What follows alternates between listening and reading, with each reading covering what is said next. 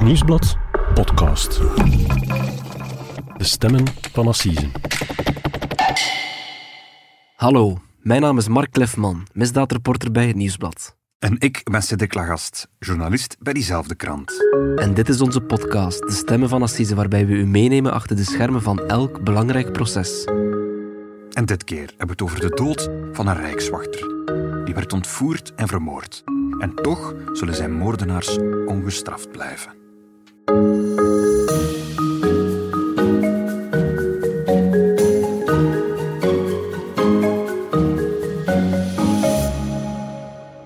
Cedric. Dag Mark. Cedric, welkom terug in onze studio.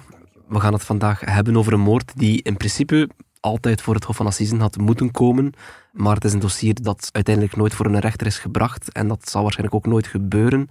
Want we hebben het over een van de meest besproken cold cases van ons land. Ja, namelijk de moord op, uh, op Peter de Vleeschouwer. Hè. Als -hmm. die naam u niks zegt, uh, dan denk ik dat zeker de foto uh, van de man toch bij veel mensen een belletje zal doen rinkelen. Het gaat namelijk over de moord op een politieman. Beter gezegd op een rijkswachter. De rijkswachter, dat bestaat vandaag de dag niet meer. Nee. maar toen, in 1996, want van dan af dateert het verhaal eigenlijk, toen bestond de rijkswacht wel nog. En Peter de Vleeschouwer, die was één van hen. Maar het is wel opvallend, die moord zal altijd onbestraft blijven. Ja, dat kunnen we wel zeggen. de zaak is nooit voor de rechter gebracht en, en zal ook nooit voor de rechter gebracht worden, want justitie heeft vorige week eigenlijk het onderzoek naar de moord afgesloten. Belangrijke gebeurtenis. Ja, terwijl eigenlijk zeggen dat ze de handdoek in de ring gooien. Uh, ze, ze, geven daarmee eigenlijk openlijk toe, uh, we vinden de moordenaar of moordenaars niet en we hebben geen hoop eigenlijk dat we die nog ooit zullen ontmaskeren. Het is wel heel frappant, hè, want ja, het gaat hier tenslotte over de moord op een politieagent, een rijkswachter, een ordehandhaver. Ja. Um, terwijl ja, de laatste jaren klinkt de oproep net steeds luider om vooral geweld tegen politieagenten juist strenger te bestraffen. Ja. Um, het gaat hier om een moord. Je zou dan toch denken, we zetten hier alles op alles om, om die moord op te lossen. Ja, dat zou je denken. Hè? En, en je zou ook denken dat, dat de politie zich eigenlijk luidskeels tegen zo'n beslissing van justitie zou verzetten. Maar mm. de beslissing is een week oud en het is, uh, het is stilgebleven eigenlijk. Ja? En, en, en dat zou misschien wel te maken kunnen hebben met de richting waarin dat er de laatste jaren gezocht werd. Cedric, we zeiden het dus al, uh, we gaan het hebben over een moord op een rijkswachter. In, in Lokeren was dat. En dat was op uh, 14 november 1996. Het is ook het jaar van, van Martin True, denk ik. Ja. Um, hoe ging dat concreet in zijn werk? Wel, het, het, het, onderzoek is eigenlijk niet begonnen als een moordonderzoek, maar als een onderzoek naar een onrustwekkende verdwijning. Want, want rijkswachter Peter de Vleeschouwer is eigenlijk uh, op een donderdagavond verdwenen uit de Rijkswachtkazerne van Sint-Niklaas, mm -hmm. waar hij die dag aan het werk was. En, en, en standerdaags werd dan dit opsporingsbericht verspreid in de pers. Op donderdag 14 november, omstreeks 20 uur 45, verdween de 37-jarige rijkswachter, de vleeschouwer Peter, uit het ontvangstlokaal van de Rijkswacht in de Vermorgenstraat te Sint-Niklaas. De man was normaal met wachtdienst belast tot 21 uur, maar is nog voor het einde van zijn dienst op tot nog toe onverklaarbare wijze verdwenen. Peter de Vleeschouwer is ongeveer 1,70 meter tot 1,75 meter en vrij struis gebouwd met een stevige nek. Hij heeft donkerblond haar, licht golvend en draagt een snor. Op het moment van zijn verdwijning droeg deze rijkswachter zijn rijkswachtuniform, meer bepaald broek met hemd en das. Het is wel zeer opmerkelijk hè, dat de Rijkswacht, die dan een, ja, een, een opsporingsbericht verspreidt, uitgerekend voor een andere Rijkswachter, dat is, dat is een vrij ongeziene situatie, denk ik. Ja, absoluut. En, en voor alle duidelijkheid, in het opsporingsbericht dat we hier hebben laten inspreken door een collega, mm -hmm. hier heeft men het nog over een onverklaarbare verdwijning. Maar eigenlijk ging het om een regelrechte ontvoering. Uit die Rijkswachtkazerne? Ja, want de vleeschouwer die was eerste wachtmeester en uh, hij was die dag van plantoondienst. Daar heb ik nog nooit van gehoord. Uh, dat was een, is een term van bij de Rijkswacht. En, en dat wil eigenlijk zeggen dat hij uh, op het onthaal van de kazerne zat. Hij, hij, er was zo'n een, een klein kantoortje met een soort van loket. De receptie. En, ja, en bezoekers die toekomen, eh, die konden zich daar bij hem aanmelden. Hij kon daar ook zijn verslagen uittypen. Mm en, en heel belangrijk ook, hij, bediende een knop waarmee dat hij uh, de toegangspoort van de kazerne open en dicht kon doen. Uh, eigenlijk de toegangspoort tot de, de binnenplaats eigenlijk. En, en, en voertuigen van de Rijkswacht die binnen wilden rijden, hij moest voor hen de poort open en dicht doen. Dus hij zag eigenlijk iedereen die binnen en buiten kwam. Maar uitgerekend uit die onthaalruimte is hij dus ontvoerd. Ja. Nu, voor alle duidelijkheid, doorheen de dag uh, liep het daar vol met rijkswachters. Maar hij had dienst uh, van 1 uur s middags tot 9 uur s avonds. Mm uh, en tot 7 uur 30 zaten er nog minstens zes andere rijkswachters daar in het gebouw. Maar die zijn daarna één voor één vertrokken. En de laatste moet ongeveer rond kwart voor acht, tien voor acht vertrokken zijn. En een goed uur later, rond kwart voor negen, komt de volgende rijkswachter toe. Dat was eigenlijk de man die na 9 uur plantoondienst ja. had. Hij kwam de vleesschouwer aflossen. En hij is eigenlijk degene die ontdekt dat de vleesschouwer verdwenen is. En het is op dat moment wel duidelijk dat hij niet zomaar even een rondje is gaan wandelen uh, rond de kazerne. Ja, want hij, hij, komt in, in die onthaalruimte binnen en hij ziet onmiddellijk dat het licht uit is. Het is donker, dus hij, hij knipt het licht aan en hij ziet dat er een worsteling is geweest. Want de stoel waarop dat de vleeschouwer zat, die, die is achteruit getrokken en op de grond gegooid. De vleeschouwer zat ook soep te eten blijkbaar. En die komsoep die is ook nogal hardhandig omvergegooid. En uh, hij ziet dat de kipie en de uniformjas van de vleeschouwer zijn achtergebleven. Ook zijn dienstwapen ligt er nog, zijn portefeuille en zo. En zelfs de auto waarmee de vleeschouwer naar het werk is gekomen, die staat ook nog altijd op de binnenplaats. Maar de man zelf, die is weg. Dus daar het binnen moet ergens een, ja, echt wel een, schermutseling geweest zijn. Ja. Uh, maar niemand ja, heeft op dat moment iets gezien. Maar in de kazerne niet, want er was niemand aanwezig op dat moment. Maar, maar veel, veel later zullen er wel twee mensen die toevallig op dat moment in de straat waren, die zullen wel vertellen dat ze iets gezien hebben. Er is eerst en vooral een dame die net terugkeert van de frituur en die rond half negen ziet hoe een aantal mannen met veel kabaal instappen in een BMW 5 uh, die voor de kazerne geparkeerd staat. En hoe die auto vervolgens met gierende banden wegrijdt. En een tweede man die in die straat net was toegekomen, die ziet die BMW 5 ook aan een razende snelheid wegrijden. En hij ziet nog een gele nummerplaat met zwarte letters. En hij concludeert dat dat een Nederlandse nummerplaat moet zijn geweest. Maar de nummerplaat zelf, die heeft hij niet gezien. Nee, wat, dat erop staat, dat nee. heeft hij niet onthouden. Nee, nee oké. Maar ja, het kan haast niet anders dat dit dan de mannen zijn die, die, die Peter de Vleeschouwer uit die kazerne die avond hebben ontvoerd. Daar gaat men vanuit. En dat is ook uh, waar later de familie van Peter de Vleeschouwer heel hard op zal hameren. Hè? Want wie heeft het nu op een rijkswachter gemunt? En ook welke crimineel gaat hij dan ook zoeken in de kazerne? Want voor hetzelfde geld dringen die kazerne binnen en bot je daar op een peloton gewapende rijkswachters of nog andere. Um, je kan ook veronderstellen dat daar camera's hangen, zelf in 1996. Het zou eigenlijk veel logischer zijn om te wachten, als je een rijkswachter zoekt, om te wachten tot die man de kazerne verlaat. Als hij naar zijn auto stapt, bij zo'n spreken. Of hem dan op straat aan te pakken. En we horen hier de oproep van de familie uit 1996 aan de ontvoerders die toen op televisie werd uitgezonden. Dit is een dringende boodschap voor alle mensen die weten waar Peter de Vleeschouwer zich bevindt of die contact met hem hebben. Op donderdagavond 14 november is Peter niet terug thuisgekomen. Zijn drie kinderen en zijn vrouw Ginda hebben hem nu al tien dagen niet gezien. Alsjeblieft, geef een teken van leven, zodat Eline, Niels en Laura weten dat papa aan hen denkt. Zij hopen met heel hun hart dat papa in goede gezondheid is en dat hij deze boodschap kan zien, horen of lezen. Aan de ontvoerders van Peter vragen wij met aandrang hem goed te behandelen. We vragen hen ook dat zij hem deze boodschap zouden tonen, zodat hij weet dat ons gezin en onze familie dag en nacht aan hem denken.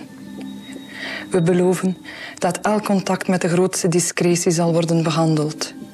Verscheidene mensen zijn bereid om op te treden als vertrouwenspersoon. Peter, ik, onze kinderen en onze familie steunen je en hopen je spoedig terug te zien. Ik veronderstel dat het niet bij een ontvoeringsonderzoek zal blijven. Wel, lange tijd wel. 42 dagen lang is het eigenlijk compleet onduidelijk wat er met de vleesschouwer gebeurd is. Tot op tweede kerstdag, op 26 december, er een schipper met een pleziervaarboot over de Durme vaart en in de buurt van Hamme een lichaam langs de oever ziet liggen. En het, het lichaam is daar aangespoeld. De Rijkswacht komt onmiddellijk ter plaatse. En zij vinden Peter de Vleeschouwer daar dood terug. Hij heeft Ja. nog altijd zijn Rijkswachtuniform aan. En uit de autopsie zal blijken dat hij eigenlijk al meteen na die ontvoering moet vermoord zijn. Hoogstens twee uur later. En hij is neergeschoten met een nekschot.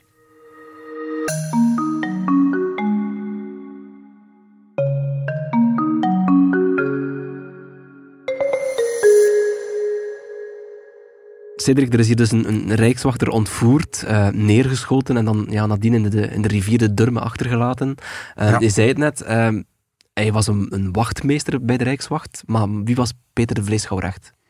Hij was op dat moment eh, 37 jaar oud. Eh, hij was eigenlijk afkomstig uit Lokeren, eh, niet uit Sint-Niklaas. Hij was de, de zoon van een onderstationschef.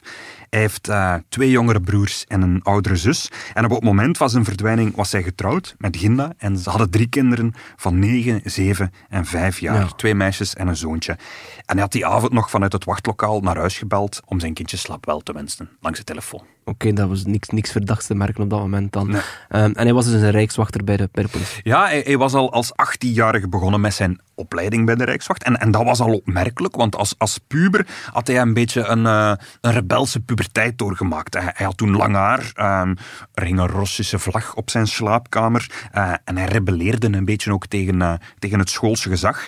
En op zijn 18 jaar besluit hij uiteindelijk om te gaan werken. En dat wordt niet de spoorweg, zoals zijn vader had gewenst, maar de Rijkswacht. De Rijkswacht. En weet je iets meer over zijn persoonlijkheid? Zijn familie heeft altijd gezegd dat hij een, een, een sober leven leefde. Zeker geen losbandig leven. Hij, hij, hij ging bijvoorbeeld vaak met de fiets naar het werk. Uh, Zijn vrouw werkte er ook. Zij was gerante uh, van een warenhuis. En Peter de Vleeshouwer was niet iemand die veel op café ging, zo klinkt het. Integendeel. Uh, um, hij zat ook op het oudercomité van de school van zijn kinderen. En zijn grote hobby, dat was tuinieren. En op het moment van zijn dood um, zat hij dus al twintig jaar bij de Rijkswacht. Ja, aanvankelijk bij de brigade van Berlaren, maar in 1990 was hij overgeplaatst naar de brigade van Lokeren. Dat was de stad waar hij woonde, dat was uh, wat handiger. Maar hij werd niet ontvoerd in Lokeren, wel in de kazerne van Sint-Niklaas. Ja, absoluut. En, en, en dat zit zo. Aanvankelijk lag hij heel goed in de groep in Lokeren. Hij, hij krijgt zelfs de beoordeling uitmuntend op zijn evaluaties.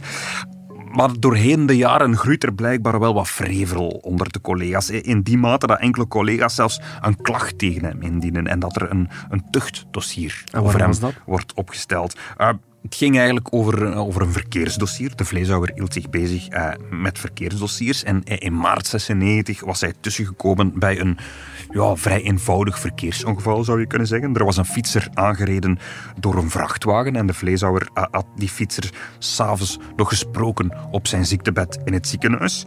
Maar de fietser was in de nacht daarop overleden. En, en, en de vleeshouwer had daarop uh, de dag erna nog een PV opgesteld met de verklaringen van die fietser. Ja, over dat gesprek. Ja. ja. En, en dat mag niet of zo?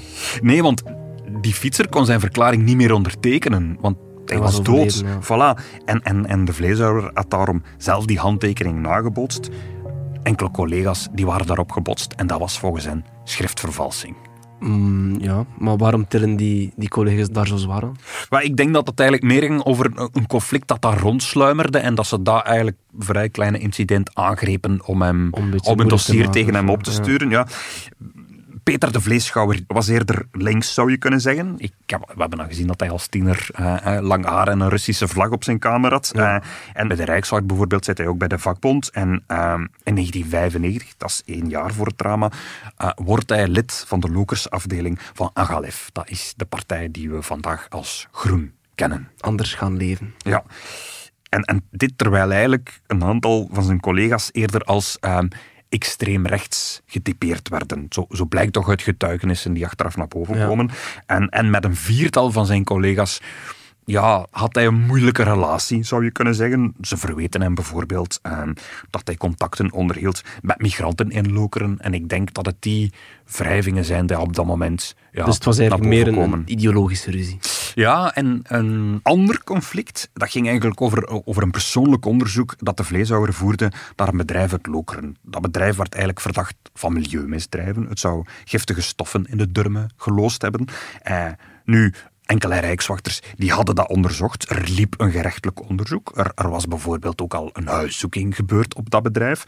Dat had niks opgeleverd. Mhm. Maar de vleeschouwer die vond natuur belangrijk, dat weten we al. En die had daarna eigenlijk op eigen initiatief zelf nog een onderzoek opgestart. En die collega's die apprecieerden dat niet echt, want ja, zij voelden zich misschien gecontroleerd of zo. Blijkbaar, ja. Dat, dat is toch de piste die de ronde doet. En het tuchtdossier tegen de vleeshouwer, dat werd uiteindelijk op 19 september zonder gevolg geclasseerd. Maar bijna onmiddellijk daarna wordt er binnen de kazerne een petitie tegen hem opgestart. En de vleeshouwer die beslist zelf dat hij zijn overplaatsing naar de kazerne van Sint-Niklaas moet aanvragen. En op 28 oktober, dat is eigenlijk zeer kort voor het drama, wordt hij overgeplaatst op zijn eigen vraag om de situatie een beetje te laten afkoelen.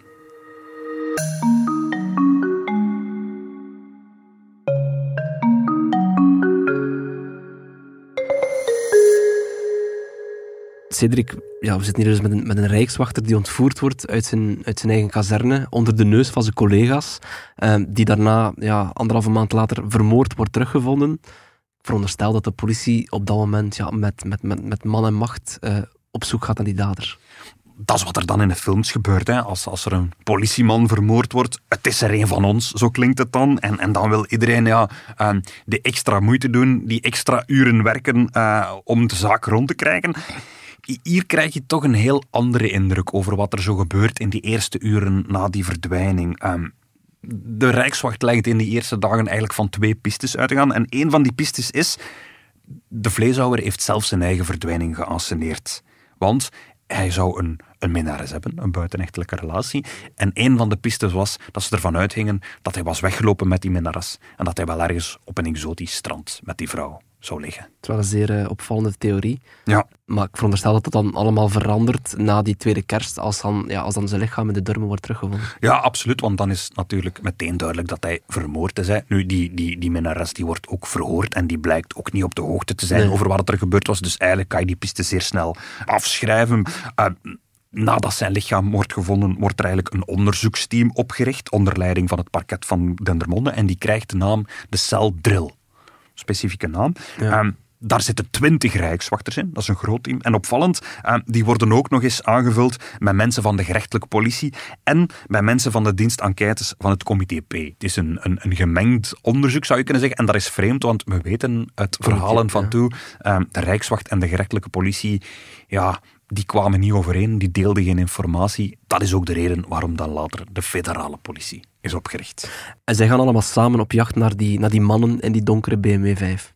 Ja, en, en dan komt die, die tweede piste in beeld. Er wordt namelijk hard gezocht in, in het West-Vlaamse misdaadmilieu, zoals dat dan toen omschreven werd. Men had al eens een, een tip gekregen uh, dat de vleeshouwer daar met een onderzoek zou bezig zijn. Het zou gaan om een, om een bende die bezig was met wapenhandel, zo klinkt het eerst. Maar later gaat het dan weer over vrouwenhandel uh, of zelfs paardendiefstal. Er wordt ook gezocht in het hormonen- en drugsmilieu. En op een bepaald moment denkt men zelfs dat de vleeshouwer betrokken was bij plutoniumhandel tussen Polen en Italië. Dat is wel heel veel pistes. Ineens. Dat blijken ook allemaal valse sporen te zijn. De vleeshouwer was daar helemaal niet mee bezig. Al die plekken in West-Vlaanderen. Ja. Is daar nooit geweest. Het is een doodspoor. Maar er wordt wel actief naar gezocht.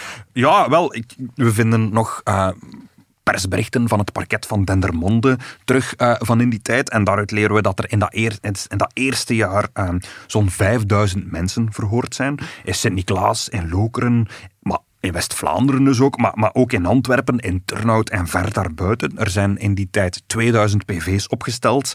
Uh, er zijn tientallen huiszoekingen verricht. Er wordt zelf ook een tiplijn opgericht, een telefoonnummer ja. waar mensen uh, naar kunnen bellen Anoniem met tips. Daarop komen 150 tips binnen, die worden ook allemaal bekeken. En een van die tips bijvoorbeeld, die leidt dan niet naar de moordenaars van Peter de Vleeshouwer. Het leidt dan wel naar een huis in Beverenleien, waar ze dan binnen een cannabisplantage met 300 planten vinden. Ze vinden wel een cannabisplantage, maar geen, geen vijanden of zo van de vleeshouwer. Of, of, of, of aanwijzing dat, nee. dat iemand het op hem gemunt had. Maar eigenlijk wel, want als ze na zijn verdwijning bijvoorbeeld in de kazerne zijn lokker doorzoeken, vinden ze een papieren document waaruit blijkt dat de vleeshouwer twee dagen voor zijn verdwijning nog een klacht heeft neergelegd bij de onderzoeksrechter tegen onbekenden, omdat hij telefonisch doodsbedreigingen had gekregen. Hij werd opgebeld door een anonieme man, door een stem, en die zei... Peter, nu dood. Dus Peter de Vleeschouwer die krijgt doodsbedreigingen amper twee dagen voor hij vermoord is. Ja, Ik veronderstel dat de, de politie en die, en die onderzoeksrechter dan er ja, alles aan doen om te achterhalen van wie dat, dat telefoontje kwam. dat lijkt logisch. Hè? Nu ook de onderzoeksrechter bij wie dat hij eh, twee dagen eerder die klacht neerlegt. Dat is ook de onderzoeksrechter die het onderzoek naar de moord op Peter de Vleeshouwer leidt. Dus die man weet van die telefoontjes, hij weet daarvan. En, en toch, op een of andere manier, eh, zal de cel er nooit in slagen om te achterhalen wie dat die telefoontjes gepleegd heeft. Het spoor loopt dood en ja, er komt ook geen arrestatie. Nee, er komen uiteindelijk pas arrestaties op 14 november 2000. Dat is exact dag op dag vier jaar na de moord. Ehm, Eigenlijk net op de dag dat de kranten weer zullen schrijven dat de moord opnieuw niet is opgelost, dat we vier jaar verder staan, ehm, dat er niemand, dat, dat, dat de speurders weer niks hebben kunnen forceren. Eh, er was die avond zelfs ook een tv-programma gepland waarin dat, dat aan bod zou komen. En na dan worden er plots twee mannen opgepakt. Een, een 43-jarige Carolus P. uit Antwerpen, iemand met een strafblad, een, een beetje een loesje zakenman. en, en, en nog een Nederlander van 34 jaar die kickbokskampioen blijkt te zijn. En ze worden aangehouden en naar de gevangenis gebracht en de dag erna staat in alle kranten. De moord lijkt opgelost.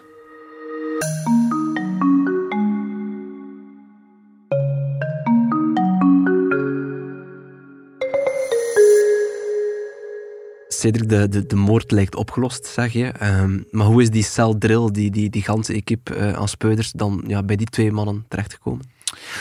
Door een tip.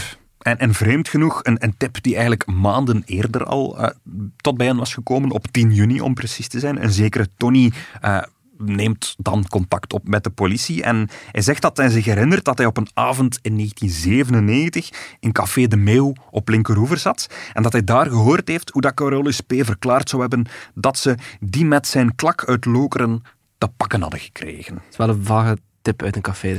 Zeer vaag. En, en het duurt ook drie jaar eh, vooraleer dat Tony begrijpt eh, dat de klak dat dat eigenlijk op een rijkswachterskipie slaat. En dat de man met de klak dat dat Peter de Vleeshouwer Ja. moet zijn. En, en het is ook een beetje een vage tip. eh, in die zin ehm, dat Tony op dat moment dat hij de politie inlicht eigenlijk in de gevangenis zit. En dat hij eigenlijk hoopt dat hij met zijn tip vroeger zal kunnen vrijkomen. Beetje een man met een agenda. Ja. Nu, eh, we zijn wel al bij het begin van de podcast dat we hier met een, met een, ja, met een cold case zitten. Ehm, ik veronderstel dat die twee mannen de moord dan niet hebben gepleegd. Wel, ja, ze, ze hebben hun onschuld altijd volgehouden. En, en de speurders hebben veel moeite gedaan om hun verhaal te checken. Ze zijn zelfs naar Spanje en naar Athene gereisd om sporen uit te zoeken.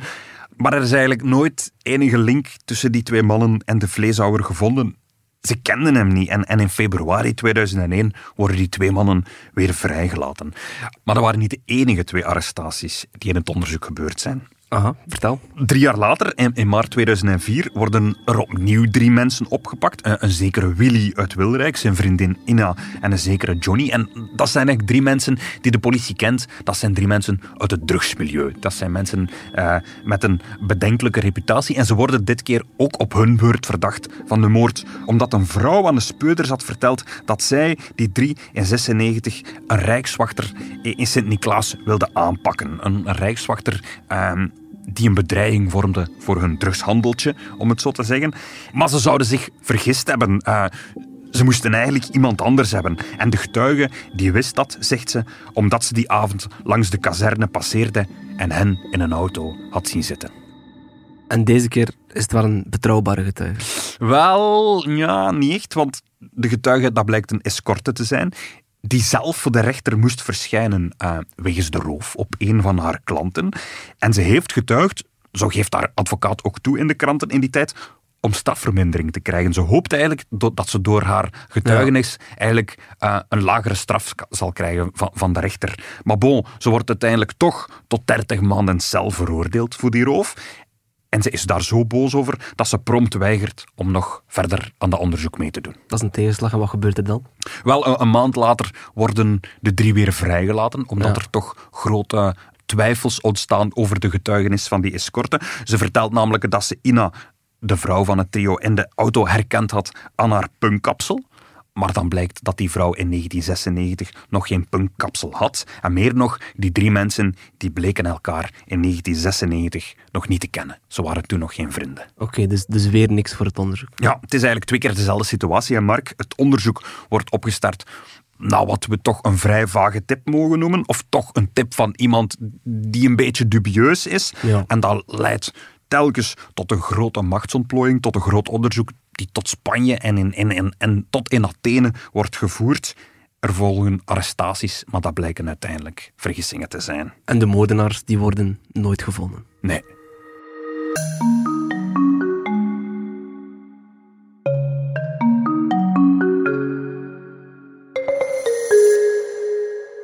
Cedric, er worden dus ja, twee keer mensen opgepakt, mensen gearresteerd, maar telkens blijkt het op niks eh, uit te draaien. Ehm, ja, hoe gaan de nabestaanden daarmee om op dat moment? Wel, de familie reageert eigenlijk vrij berustend eigenlijk, want ze hebben eigenlijk nooit in die pistes geloofd. Ze geven dat ook zo aan in de kranten van die tijd. Telkens dat er, als er arrestaties volgen, dan reageren ze wat afwachtend. En, en tussen de lijnen door lieten ze eigenlijk altijd vrij duidelijk verstaan dat zij er niet echt in geloofden dat dit de daders zouden kunnen zijn. Maar dan moeten ze zich wel ergens op baseren. Wel, eh, ze baseren zich vooral, denk ik, op, op het feit dat de vleeschouwer uit de kazerne is ontvoerd. En, we- en we moeten eerlijk zijn, die vijf mensen die hier worden opgepakt, dat zijn een beetje mensen uit de rand van de samenleving. Het zijn ook geen zware criminelen, het zijn geen grote bandieten. En het valt eigenlijk een beetje moeilijk te plaatsen dat zij die kazerne zouden zijn binnengedrongen. En, en, en, en Chris de Vleeschouwer, eh, die laat zich ontvallen. Het parket maakt zich onsterfelijk belachelijk. En Chris de Vleeschouwer, dat is de broer van Peter de Vleeschouwer. De jongere broer eh, is diegene die eigenlijk al die jaren eh, verschillende keren in de media opduikt en die zich ook ja, voor de zaak engageert, die, die mee probeert op de moord op zijn broer uit te spitten, die justitievragen blijft stellen, die uiteindelijk ook twee boeken heeft gepubliceerd over de zaak. Hij heeft ook twee advocaten, Walter van Steenbrugge en Christine Mussen, die zijn al jaren zijn advocaten en eigenlijk zijn eigenlijk zij die heel lang blijven aandringen op verder onderzoek. En wat is hun piste dan? Wel, ze hebben zich ooit burgerlijke partij gesteld in het onderzoek. Ze hebben eh, uiteindelijk ook inzagerecht in het dossier gekregen. Ehm, ik denk dat Gigantisch dat, dossier, denk ik. ja, dat waren toen al 17 mappen en 80.000 pagina's, zo wordt dan verteld. Ehm, ze lezen al die pagina's samen in, ze gaan dat heel nauwgezet bestuderen.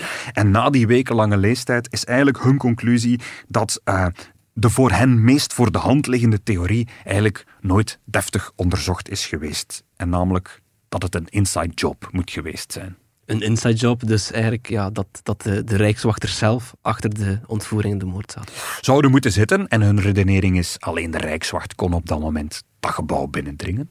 En ehm, ja, ze verwijzen dan ook eigenlijk in bedekte termen een beetje vooral naar die oud-collega's eh, van de vleeschouwer uit Lokeren. Hè. Je, herinnert je nog, hij had een conflict met een aantal van die mensen uit de brigade.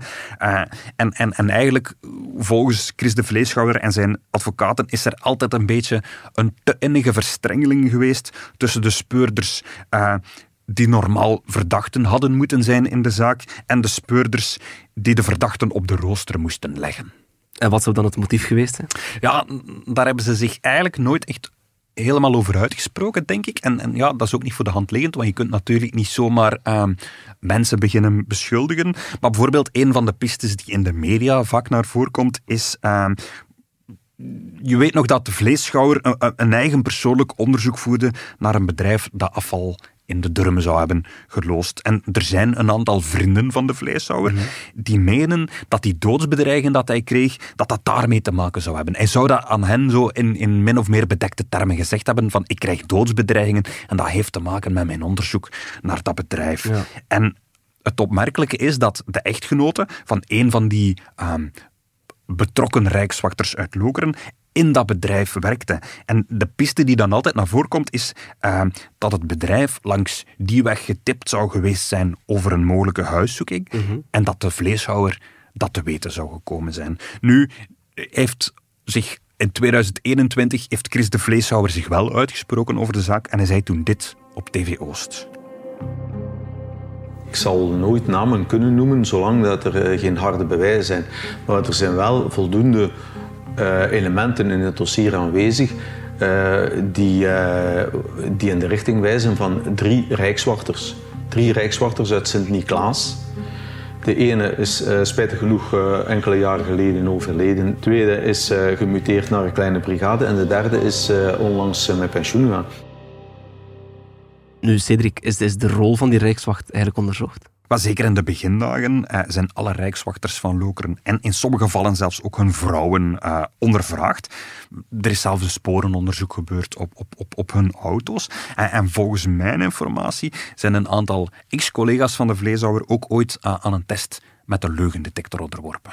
Maar voor de familie van Peter de Vleeshouwer voor de nabestaanden was dat niet voldoende.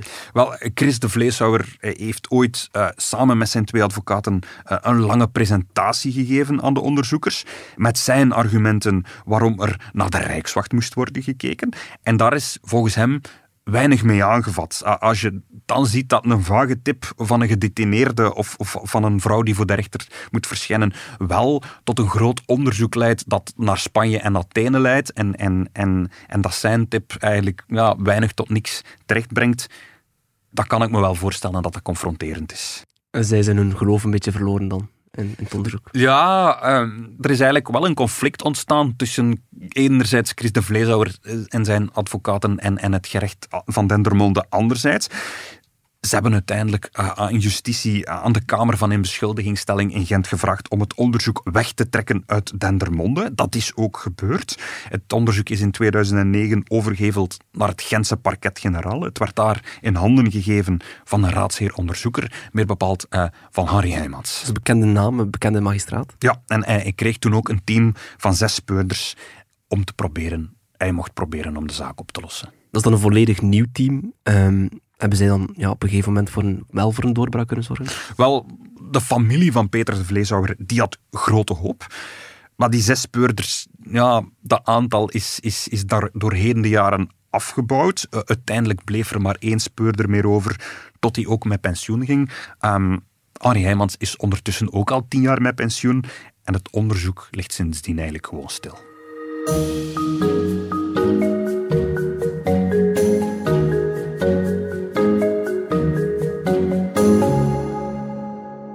Cedric, uh, vorige week op, op donderdag 25 januari is het onderzoek naar de moord op Peter uh, de Vleeschouwer na 27 jaar ja, volledig definitief afgesloten. Ja. Uh, dat zeiden we al in het begin. Nu, wat, wat, betekent dat concreet? Wel, dat betekent concreet dat het onderzoek officieel wordt stilgelegd, hè, zonder dat er ooit een dader is gevonden. Het dossier wordt uh, in een kast opgeborgen. Uh, het is een beslissing van een rechtbank, van de Kamer van Inbeschuldigingsstelling. Eigenlijk is dat gewoon een formaliteit, zou je kunnen zeggen, want ja, er gebeurt eigenlijk al tien jaar niks meer in dat onderzoek. Maar dat betekent ook dat de dader ja, ermee weggekomen is en dus nooit meer gestraft kan worden? Ja, in principe kan het onderzoek nog opgestart worden, mocht er ooit nieuwe informatie naar boven komen. Een bekentenis, ik zeg maar iets. Maar ja, natuurlijk, de kans dat dat ooit gebeurt is, is heel klein. Hè. En ook al de zaak verjaart binnenkort, volgens mij gebeurt dat al in 2026. Ja, nu, de familie, ik kan me voorstellen dat zij het daar heel moeilijk mee hebben. De familie is teleurgesteld natuurlijk dat de daders niet gestraft zijn, maar dat het onderzoek zou worden afgesloten, daar had de familie eigenlijk zelf naar gevraagd. En Chris de Vleeshouwer die heeft vorige week ook gereageerd bij onze collega's van TV Oost. Ik hoop nog altijd natuurlijk dat uh, de moordenaars op mijn broer worden gevat. Maar uh, ik, ik, ben ook realistisch. Als men na 27 jaar er niet is geslaagd door onderzoek de moord op te lossen, ja, dan moeten er veel toevalligheden naar boven komen om dan toch nog de moordenaars te vatten. En waarom hebben ze daar zelf om gevraagd? Ze hebben er niet naar gevraagd. Het is een initiatief van justitie en, en ze hebben zich er niet tegen verzet. Zo klinkt dat dan. En ik denk dat het vooral symbolisch is. Hè? Want nu, nu komt er duidelijkheid. Het onderzoek naar de moord op Peter de Vleeshouwer is afgesloten. Er wordt niet meer gezocht naar de moordenaars. Dat is de harde realiteit. Ja. Oké, okay, Cedric, heel erg bedankt om, uh, om dit dossier na al die jaren uh, bij ons uh, nog eens rustig te komen uitleggen. Ja. Um, bij deze zijn we tot het einde gekomen van onze podcast.